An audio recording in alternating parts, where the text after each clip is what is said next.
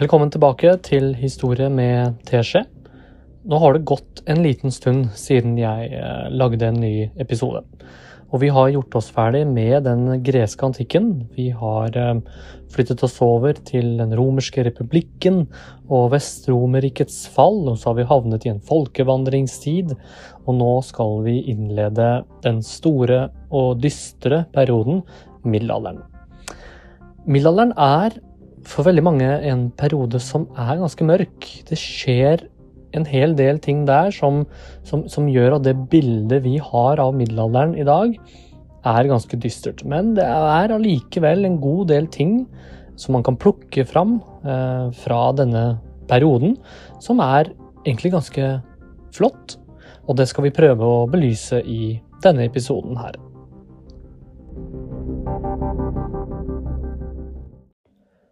Ok, vi er i middelalderen, og dette er en såpass stor periode at vi deler gjerne middelalderen inn i tre perioder. Vi har den tidlige middelalderen fra ca. 500 til 1000 etter Kristus. Dette er en veldig sånn treig periode. Så kommer vi til år 1000 til 1300 etter Kristus. Dette kaller vi for høymiddelalderen. Dette er en periode hvor Folketallet stiger, byene vokser, ting blir litt bedre. Kan jo også tenkes at det er derfor det heter høymiddelalderen. Men fra år 1300 til år 1500 etter Kristus så møter man på veldig mange måter veggen. Også og hovedsakelig på grunn av svartedauden. Og dette er kalt for senmiddelalderen.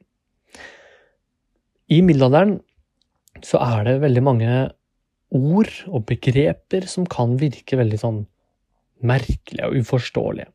Så jeg skal forsøke så godt jeg kan å gjøre det så enkelt som mulig. Men det kommer nok til å være litt sånn, litt sånn rart. Ja. I hvert fall. Vi skal prøve å belyse overgangen fra antikken til middelalderen for å på en måte skjønne litt de der brytningspunktene. Hva er det som, som skiller de to periodene? Altså hva forsvinner, og hva innføres? Vi skal snakke om føydalismen, altså dette, dette desentraliserte styret. Der skal vi særlig fokusere på politikken, militæret og økonomien. Vi skal snakke litt om forholdet mellom kirken og staten. Vi skal få en konflikt mellom disse to. Og vi skal få også en utvikling av stat. Vi skal få en utvikling av jordbruket og en utvikling av handel. Ok. Tidlig middelalder. Den strekker seg fra år 500 til 1000 etter Kristus, og her skal vi få et såkalt ruralt samfunn som skal etableres. Dette er en periode som preges av en veldig sånn begrenset vekst, lite handel og lite byvirksomhet. I tillegg så har vi såkalte føydale kongeriker. Det er særlig tre riker rundt Middelhavet i sånn rundt 1000 etter Kristus som dominerer. Det er Bysants, det bysantiske riket. Det er karolingerne, altså Karl den stores rike, og det arabiske imperiet, eller også kalt det arabiske kalifatet. Ok, nå har vi snakket litt om hva den tidlige middelalderen handler litt om.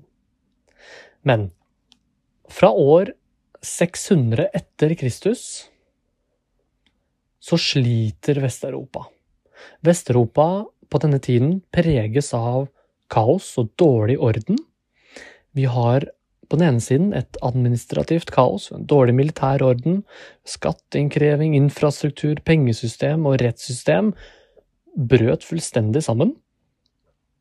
Og på den andre siden så har vi en befolkning som, som søker beskyttelse ut på gods. Gods kan i dag sammenlignes med gårder. Gårder her og der. Små gods hvor folk søkte beskyttelse. Og mange på disse godsene ble bundet til jorda som såkalte leilendinger. I tillegg så manglet de germanske kongerikene ressurser til å etablere et sentralisert styre.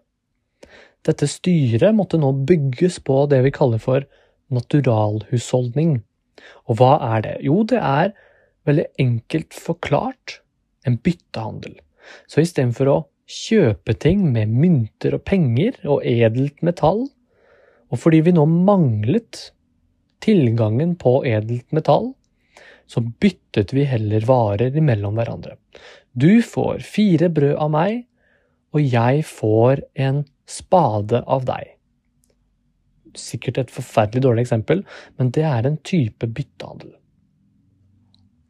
Ok, Så hva er, som, hva er det som, skiller den urbane antikken, hvor folk var veldig byorienterte, hvor man hadde en sterk pengeøkonomi, man betalte med penger, mynter, man hadde mye handel, mye overskudd, mye kultur.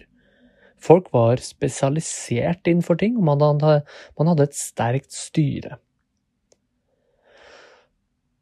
Og så får vi folkevandringstida fra år 400 til 600, hvor folk flykter ut av byene.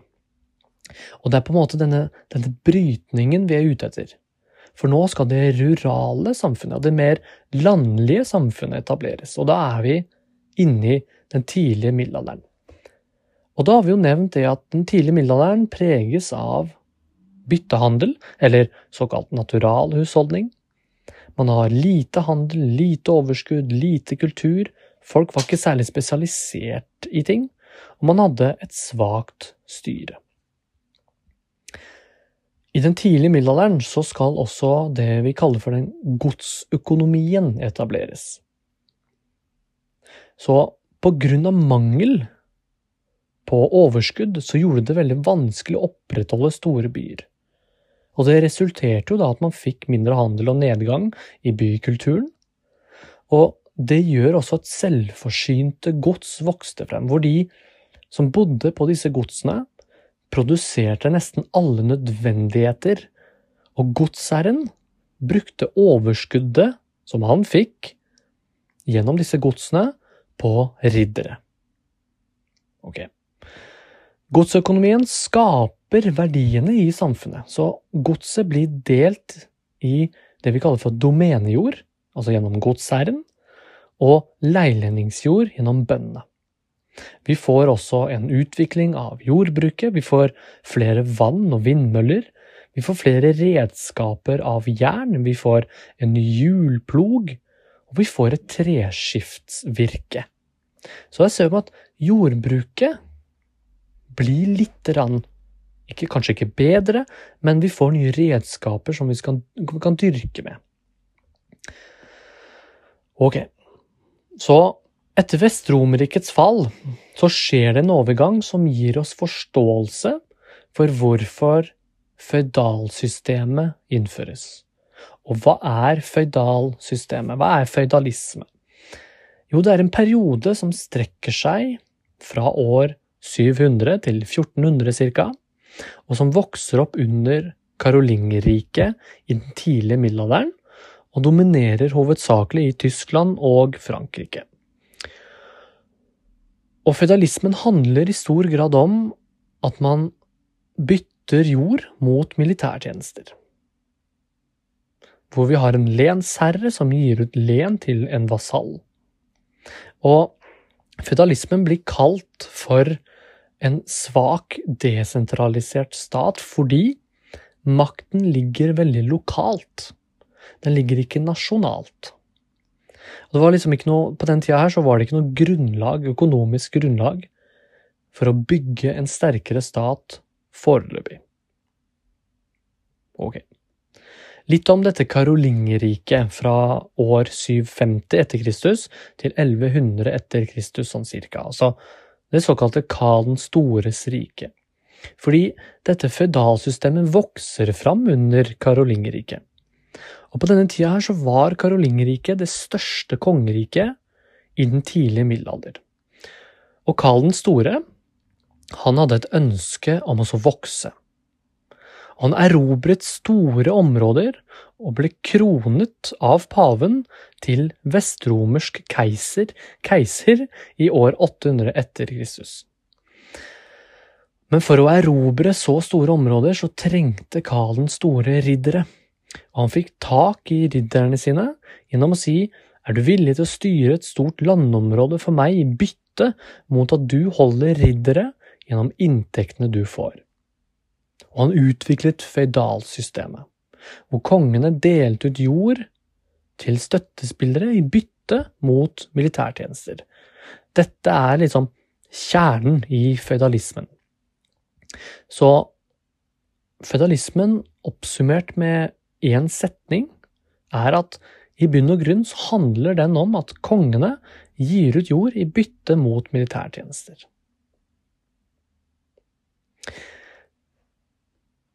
Lensvesenet, eller dette føydalsystemet, besto av en lensherre, altså den som har myndigheten over et territorium. Og så har vi et len, altså land. Eh, jord, inntekter som kan deles ut i bytte mot plikter. Og så har vi en vasall, altså såkalte kronvasaller, den som mottar len. Man kunne være godsherre, biskop eller ridder. Altså disse vasallene kunne være godsherre, biskop eller ridder. Og kronvasaller fikk adelige titler som baron, greve, hertug, og det kommer, disse tingene her kommer fra det føydale systemet. Dette er romerske adelstitler som blir overført til middelalderen. Ok. Godsherrene var jo, som vi nettopp nevnte, eier av gods, og ofte brukt som vasall.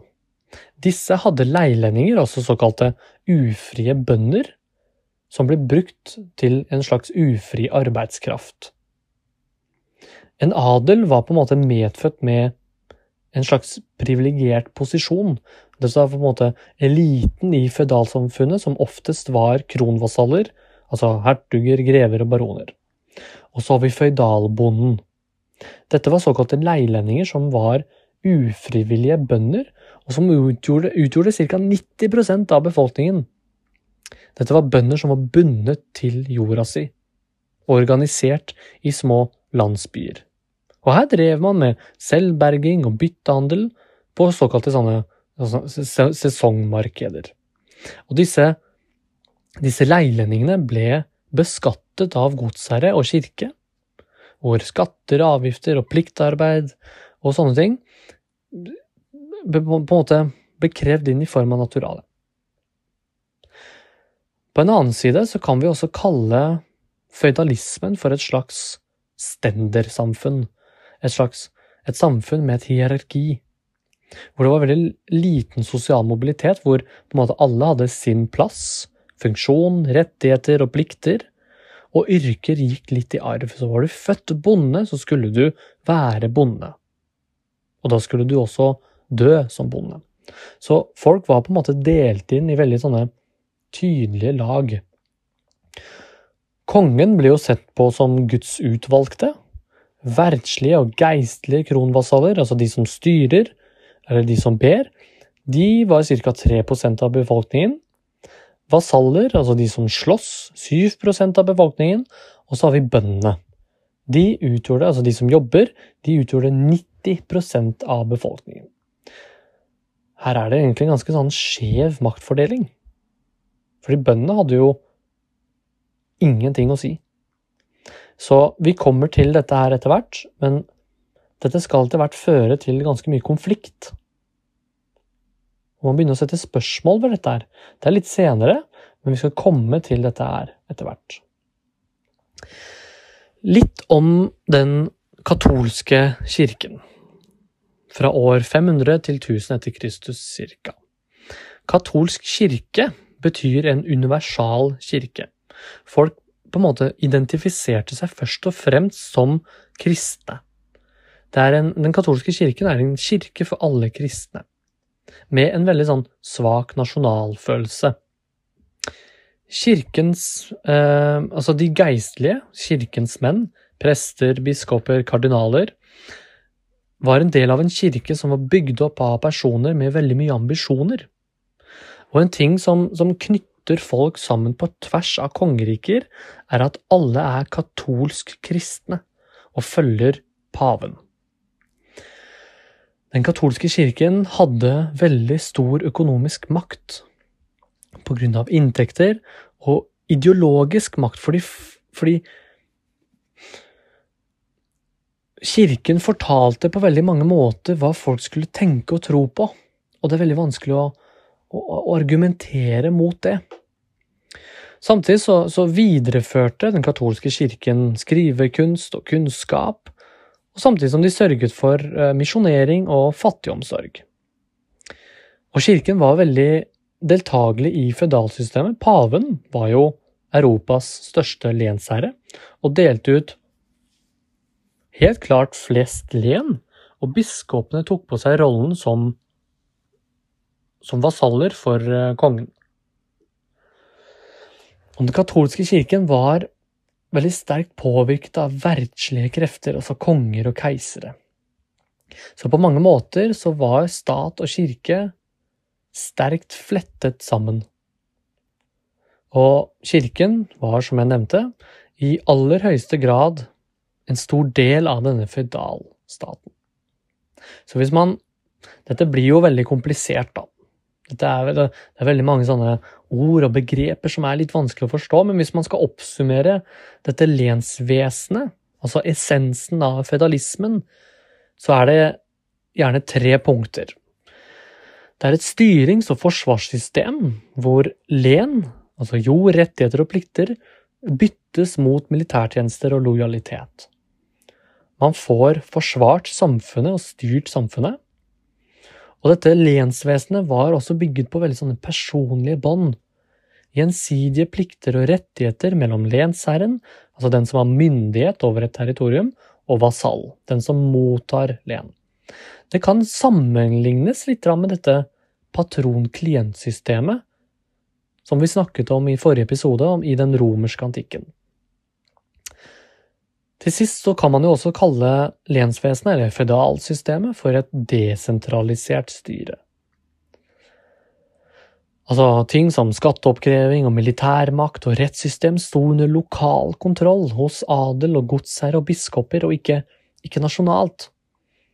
Man styrer gjennom folk på personlig bånd, så dette, dette, gjorde det jo veldig vanskelig for kongen. Og det er det vi skal snakke litt om nå føydalsystemets svakheter. For kongemakten ble veldig svak på grunn av denne store desentraliseringen. Kongen manglet et voldsmonopol, et skattemonopol, et lojalitetsmonopol og kontroll over territoriet sitt. For dette territoriet var delt mellom adel, godsherre og kirke. Det er ikke først og fremst rettet mot kongene, men mot godsherrene. I tillegg så får vi en, en, slags politisk dualisme hvor kirke og kongemakt samarbeider, men de er også store konkurrenter. Fordi kongen trenger godsherrer for å styre, men konkurrerer også med dem. Så kongen trenger, eh, trenger kirken for å styre, men konkurrerer også med kirken. Og det som er litt positivt for godsherren i dette tilfellet, er jo at, at, han klarer å konkurrere med kongen på grunn av naturalhusholdning og godsøkonomi som favoriserte vasallene og ikke kongemakten, fordi disse verdiene forble lokalt. Og de ble brukt i godsene og var veldig vanskelig å flytte ut av gods. Og det gikk jo i godsherrens favør. På 900-tallet så øker denne desentraliseringen, fordi Karolingerriket går i oppløsning, og vikingangrep er sterkest. Og dette skulle svekke lensvesenet eh, lensvesenet og vasallene, fordi vasallene anser lenene sine som arvelige. Og dette er jo katastrofalt for kongen når vasallene sier at lenene er mine og min families. Så det vil si at nå mister kongen fullstendig kontroll. I tillegg så har vi veldig sånne svake nasjonale bånd. Det er et, stand, eh, et stendersamfunn med et hierarki hvor alle hadde sin plass, funksjon, rettigheter og plikter, og yrke rik i arv. Og så hadde vi relasjoner som var bygd på veldig personlige bånd, og dette undergravde kongemakten og nasjonale bånd. Så på mange måter så kan man si at folk identifiserer seg med sin stand. Så bøndene identifiserer seg med, medbøndene, og ikke sin konge. Og det er på veldig mange måter veldig dumt for kongen. Og det er på en måte kjernen i føydalismen. Kongen sliter fordi man har et desentralisert, føydalt system som går i favør lokale gods. Man kan konkurrere med kongen, men vi skal etter hvert komme litt utover, hvor kongen skal få mye makt. Men det blir etter en liten pause, hvor vi skal gå over til høymiddelalderen.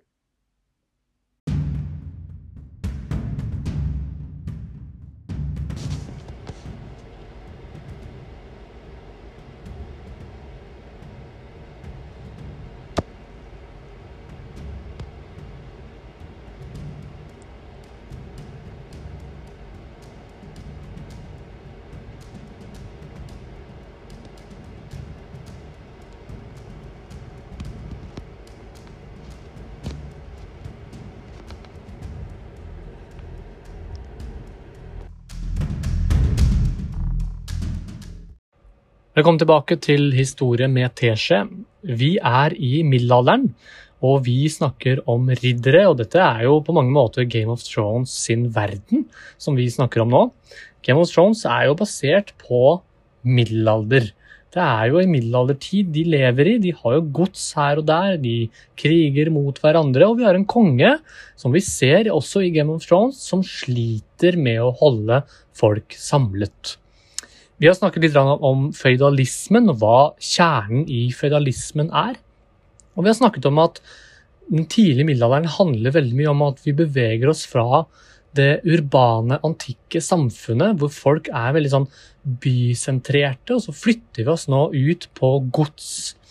Så vi har nettopp gjort oss ferdig med den tidlige, eh, tidlige middelalderen, og nå skal vi snakke om perioden i middelalderen som strekker seg fra år 1000 og fram til 1300, som er en vekstperiode, også kalt høymiddelalderen. Her opplever vi ting som befolkningsvekst, økt handel, voksne byer, vi får en konflikt mellom kirke og stat, og vi får disse kjente korstogene. Ok, fra 1000-tallet så er Europa i vekst vi skal nå vokse, vi skal få en, øko, en, økende politisk stabilitet. Vikingtiden er nå på mange måter over, og ting roer seg litt ned. Det er færre kriger og færre invasjoner. Matproduksjonen øker, og når den øker, så øker jo også befolkningen. Man får et varmere kliga. Skog pløyes opp, vi får flere hester, vi får bedre ploger, flere møller. Så, og dette her er på en måte sett fra et veldig sånn et, et materialistisk perspektiv. Sant? Varmere klima, skog pløyes, flere hester, ploger, møller. Det er materielle ting. Så her sier vi at vi snakker om denne befolkningsveksten gjennom et materialistisk perspektiv. Alt dette her, med at matproduksjonen øker, vi får bedre redskaper i forhold til jordbruk, gjør at vi får en kraftig befolkningsvekst fra 1000 til 1300 før, etter Kristus. Vi går ca. fra å være 55 millioner mennesker til å hoppe opp til 80 millioner mennesker. Vi får på nytt igjen byer som vokser. Ligner litt på antikken. Byene vokser igjen fordi befolkningen vokser. Og det å putte folk inn i byene er nå mulig fordi det er politisk rolig. Vi får i tillegg et belte av handelsbyer fra Nord-Italia til Sør-England. Altså typisk langs elver, kysten og knutepunkter, og ofte der hvor kongemakten var svak. Fordi disse byene drev handel med hverandre.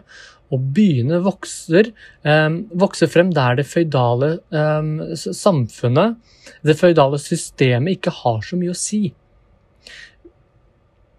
Nå får man egne lover, vi får styringsorganer, handelsborgerskapet styrte, og noen steder så vokste det også frem universiteter. Vi får en, eh, en håndverkproduksjon og handel som vokser. Vi får ull, vi får silke, vi får glass. Og de produserer varer som de senere skal selge. Noe annet um, Noe annet var på en måte ikke aktuelt tidligere, i den tidlige middelalderen. fordi der var det meste konsentrert på landsbygden. Vi får selvstendige bystater. Altså, noen byer fungerte litt som egne stater. De førte krig, de hadde diplomati og inngikk allianser. Og disse selvstendige bystatene de tjener så mye penger på handel og produksjon at de nesten kan oppføre seg som egne stater. Og et av de eh, Dette er på en måte Dette er et av de trekkene da, i høymiddelalderen. Eh, det er at disse by, byene nå vokser fram. Vi får sterke bystater i Italia, som Firenze, Milano, Venezia. I Flandern, så får vi, altså dagens Belgia, så får vi Brugg. Eh, I tillegg så får vi Hansa-forbundet rundt Østersjøen. Ok. Vi snakket innledningsvis om middelalderen, litt om den katolske kirken. Og den er særlig deltakende i middelalderen. Dette er en universal kirke hvor folk identifiserte seg først og fremst som kristne i middelalderen. De var svært godt organisert. Kirker og biskoper i alle kristne land. Og kirkens makt ble på veldig mange måter styrket gjennom middelalderen. Vi skal komme litt tilbake til det. I den tidlige middelalderen så var det kongemakten som kontrollerte delvis kirkene i sine, i sine områder. Eh, og, og, påvirket valg av pave og biskop. Men i høymiddelalderen så er det særlig kirken som styrket pga. denne reformbevegelsen. Ok, så vi skal snakke litt nå om, om viktige brudd i middelalderen. Altså fra tidlig middelalder til høymiddelalder. I første del av denne episoden så snakket vi om viktige brudd fra antikken til tidlig middelalder. Nå snakker vi om fra tidlig middelalder til høymiddelalder. I den tidlige middelalderen så sa vi jo at dette med naturalhusholdning ble introdusert. Nå flytter vi oss mer over på en pengeøkonomi som erstattet deler av denne naturalhusholdningen. I den tidlige middelalderen så hadde vi gods, hvor folk søkte beskyttelse ut på gods. Nå får vi byer. Så det er en viktig utvikling. I en tidlig alder så har vi lite handel, nå får vi mer handel. Konger og keisere utnevnte bis... Beklager. Oi, oi, oi. Der satte jeg fast et eller annet i halsen. Det var um... Det var ikke meningen. Eh, I den tidlige middelalderen så, så, så, var det jo konger og keisere som utnevnte biskoper. Nå er det mer kirken som utnevner biskoper selv. Dette er også et viktig brudd det betyr at kirken nå har fått mer fotfeste i middelalderen. Tidlig middelalder pleies også av lite overskudd, lite kultur, lite spesialisering og et svakt maktsentrum. Men nå i høymiddelalderen så har vi mer overskudd, mer kultur, mer spesialisering og noen selvstendige bystater. Så vi får en overgang fra godsene til byene, og en overgang fra godsøkonomi til pengeøkonomi. Og på mange måter, når vi kommer til denne episoden som skal handle om den industrielle revolusjonen, så kan man nevne det at den industrielle revolusjonen er et resultat av byene som drev med håndverkerproduksjon i høymiddelalderen. Ok. Litt om statsutvikling i høymiddelalderen. Fordi vi husker jo det nå fra tidlig eh, middelalder at kongemakten sleit. Kongemakten og kongen sleit med å holde ting samlet.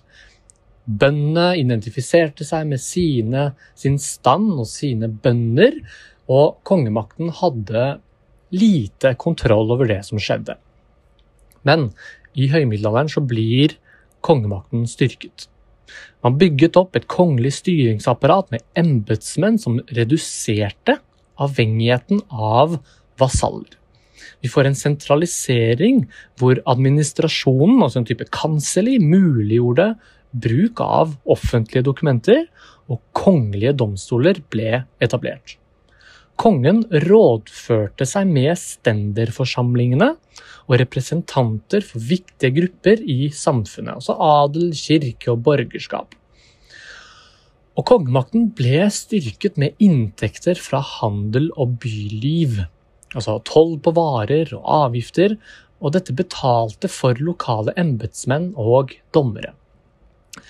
Militærmakten ble også styrket. Inntekter gjennom, altså fra, til kongemakten muliggjorde større bruk av leiesoldater, som reduserte igjen avhengigheten av, eh, av vasaller. Ok. I høymiddelalderen så skal også kirken og kongemakten krangle. Vi skal snakke litt om det tysk-romerske imperiet, den store staten i høymiddelalderen. Den ble etablert i 962, og kong Otto den første av Tyskland utnevnes til keiser av paven i Roma. En slags videreføring av Karolingerriket. Problemet her var at føydalsystemet undergravde den tyske keiseren. Den tysk-romerske staten var en føydalstat der lenet var å regne som vasallene sine. Han som er tysk keiser, sliter med å styre landet sitt pga. føydalsystemet, fordi vasallene regnet sitt len som sitt eget. Og Det husker vi jo fra den tidlig moderne, nei, tidlig, ikke tidlig moderne tid, det er ikke enda, men tidlig middelalder, at dette var svært problematisk for den som eide lenene. Vi får en oppløsning av Karolingerriket på 900-tallet, som hadde gjort tyske vasaller uavhengig av sine lensherrer. Og Tyskland besto av eh, fyrstedømmer hvor lenet gikk i arv hos store adelsfamilier. Så keiseren har et problem fordi makta ligger ute i de ulike lenene. Men så får vi keiseren kommer opp med et system for å prøve å opprettholde litt kontroll. Det såkalte otonske systemet. Det, det, det går veldig ut på er at keiseren var å altså, utnevnte biskopene som fikk len, og en biskop kan ikke la noe gå i arv til sine barn, fordi de skal ikke ha barn. Og når biskopene da dør, så går lenene tilbake igjen til kongen. Tyske keisere var avhengig av geistlige vasaller for å demme opp for de verdslige vasallene, altså de fyrstene. Tyske keisere kontrollerte valg av paver og hadde retten til å innsette biskoper. Og biskoper ble brukt som vasaller fordi slike len ikke gikk i arv. Det var veldig lite forskjell på stat og kirke, og det var veldig viktig for keiseren å utnevne biskoper i Tyskland, for da fikk han mer kontroll. Så keiseren måtte eh, det var på en måte, ja, han måtte ikke, men det var, det var, keiserens måte å få litt mer kontroll på vasallene. Og en biskop, bare sånn for sikkerhets skyld, for at man forstår det, det er en som styrer et større område hvor det er mange prester. Den biskopen som har høyest rang, er biskopen av Roma. Så keiseren utnevner biskoper for å få litt mer kontroll på det tysk-romerske imperiet. Men så skal jo kirken nå reagere mot keisermakten. Og fra 900-tallet så får vi en reformbevegelse. En reaksjon på verdslig makt over kirken og et, et, generelt religiøst forfall. Og det starter bare en fun fact, men det starter i det franske klosteret Cluny. I den katolske kirken så er det veldig mange som mener at det bør være slutt på at konge og keiser har påvirkning på kirken, og kirken bør herske over seg selv. Paven i Roma mislikte det otonske systemet, altså det med at keiserne av Tyskland utnevner biskoper, og målet var at paven av Roma utnevner biskopene, og paven alene. Og På 1000-tallet så styrket kirken sin posisjon. I 1054 så får vi brudd med kirken i Konstantinopel, og 1059 så får vi kardinalene som valgte paven. Og kirken etablerte også kirkelige domstoler og nye munkeordener, og de utfordret det otonske systemet. Og starten på denne konflikten mellom kirken og staten var da paven sendte ut et notat. Og det, det, lyder som følger. Biskopen i Roma er den eneste som bestemmer over alle. Han alene har makten til å avsette biskoper, en sånn type krigserklæring, og den aksepterer ikke lenger det otonske system. Alle fyrster skal kysse hans føtter og ingen annens. Han kan avsette keisere han selv ikke kan dømmes av noe menneske. At den, romerske kirke aldri har feilet og ifølge Skriften aldri vil feile. Og at den romerske biskop, valgt av kanonisk gyldig måte, utvilsomt er hellig. Nå erklæres det krig mot keiseren av Tyskland, og vi får den såkalte investiturstriden fra 1075 til 1122. Og det er et resultat av konflikten mellom kirken og kongen. Og dette var, Investiturstriden handler kort og greit om retten til å utnevne biskoper i Tyskland. Så pave Gregor den syvende utfordret keiser Henrik den fjerde. Og konflikten holdt på å knekke keiseren. Keiseren mislyktes med å avsette paven. Paven derimot lyktes med å, eh, med å banne keiseren ut og kasta han ut av kirken. Og tyske vasaller gikk til opprør, og mange støttet paven. For hvis ikke de gjorde dette, så ble de selv kastet ut av kirken. Resultatet av denne investiturstriden det kaller vi for eh, konkordatet i Worms i 1122. Og paven fikk retten til å bestemme hvem som skulle være biskop, og være øverste dommer i geistlige konflikter. Keiseren fikk retten til å innsette biskoper som keiserlige vasaller, og keiseren anerkjente langt på vei pavens rolle som Europas fremste leder. Og det runder på veldig mange måter av høymiddelalderen. Høymiddelalderen handler mye om vekst. Byene vokser, befolkningen øker fordi matproduksjonen øker. Vi får mer handel, vi får andre redskaper for å drive jordbruk. Kongemakten styrkes pga. inntekter. Militærapparatet styrkes pga. inntekter. Og vi får i tillegg en konflikt mellom kirken og staten. Og det runder av høymiddelalderen på veldig mange måter, og vi beveger oss nå inn i senmiddelalderen, hvor vi nok en gang skal møte veggen med bl.a. svartedauden. Men det skal vi snakke om litt etter en ny pause.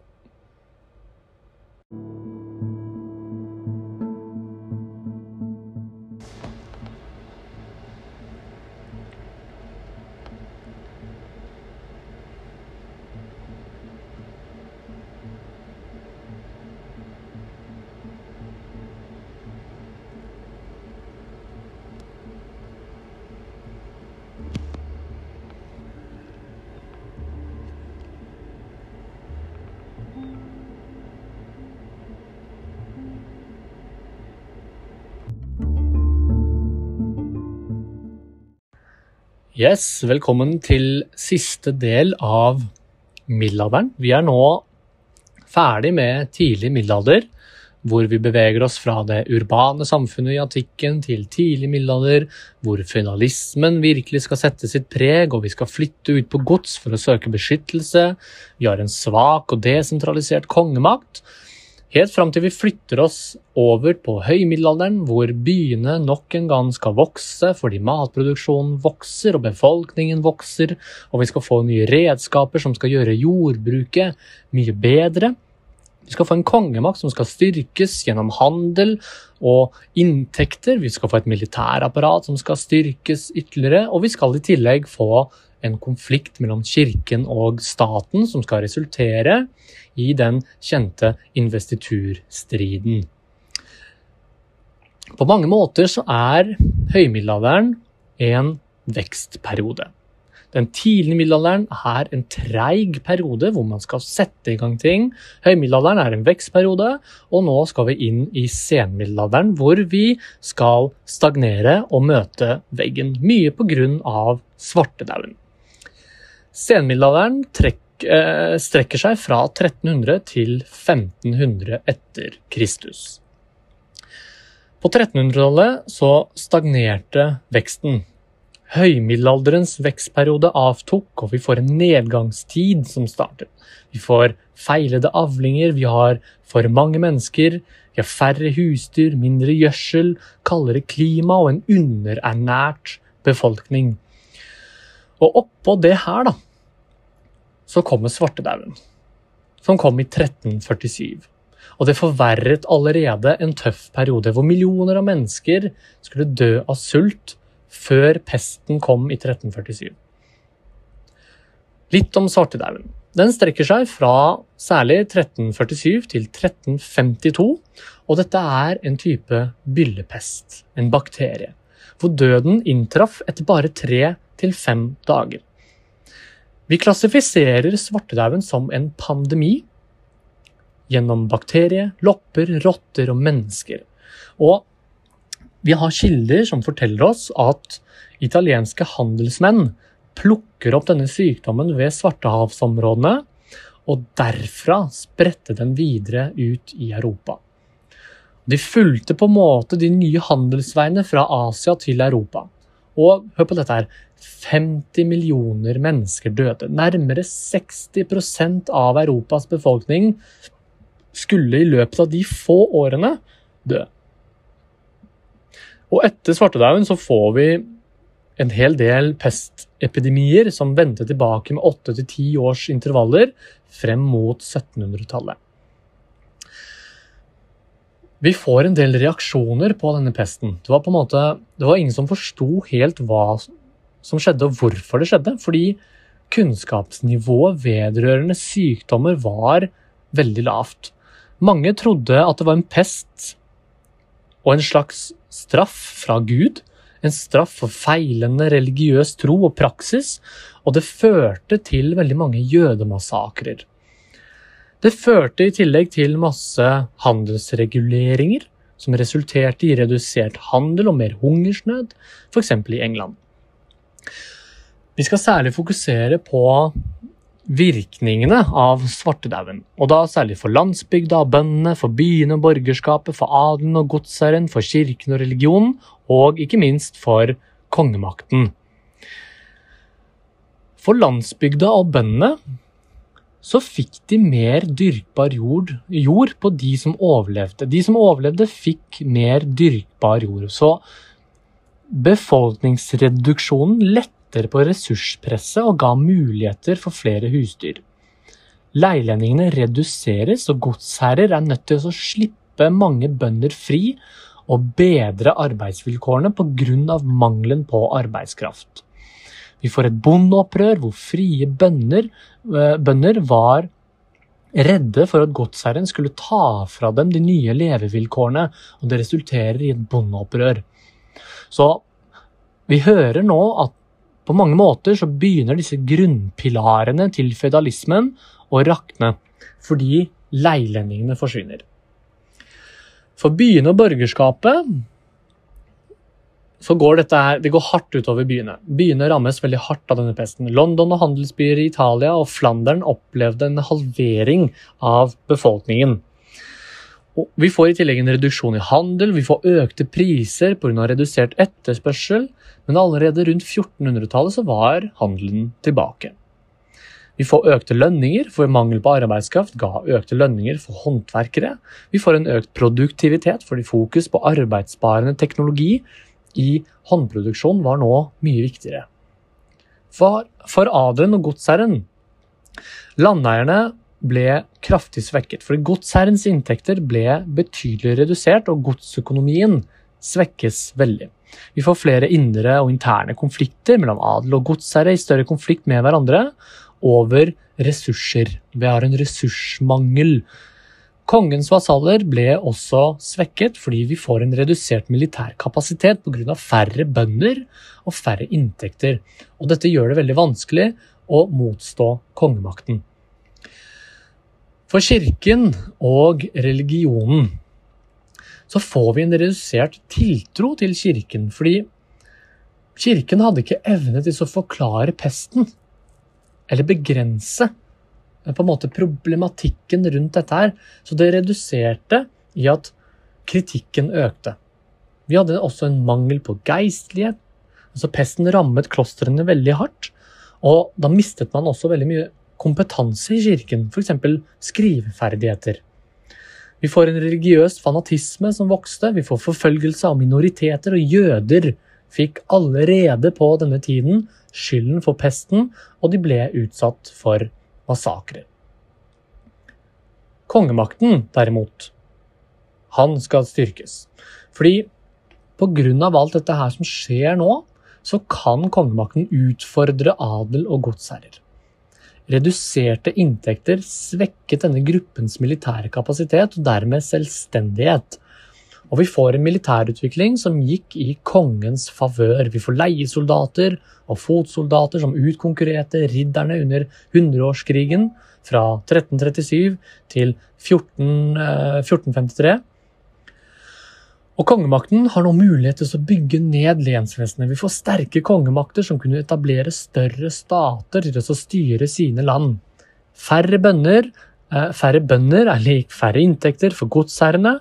Og færre inntekter for godsherrene er likt færre inntekter, som betyr færre militære styrker. Og Derfor så kunne man nå utfordre godsherrene, og kongen kunne utfordre dem. Så den største Kanskje virkningen for svartedauden er at så mange bønder dør, slik at godsherrene mister sine inntekter, og herrer som var, som var vanlige i føydalismen, og endrer dermed grunnlaget for føydalismen. Og kongene får nå mye større makt.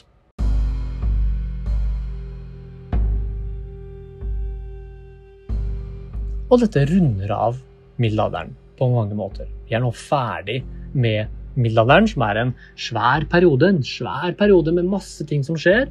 Og vi skal nå etter hvert flytte oss over til eh, tidlig moderne tid, hvor kongen skal tjene vanvittig mye penger pga. at vi skal få disse oppdagelsesreisene. Men det sparer vi til neste episode.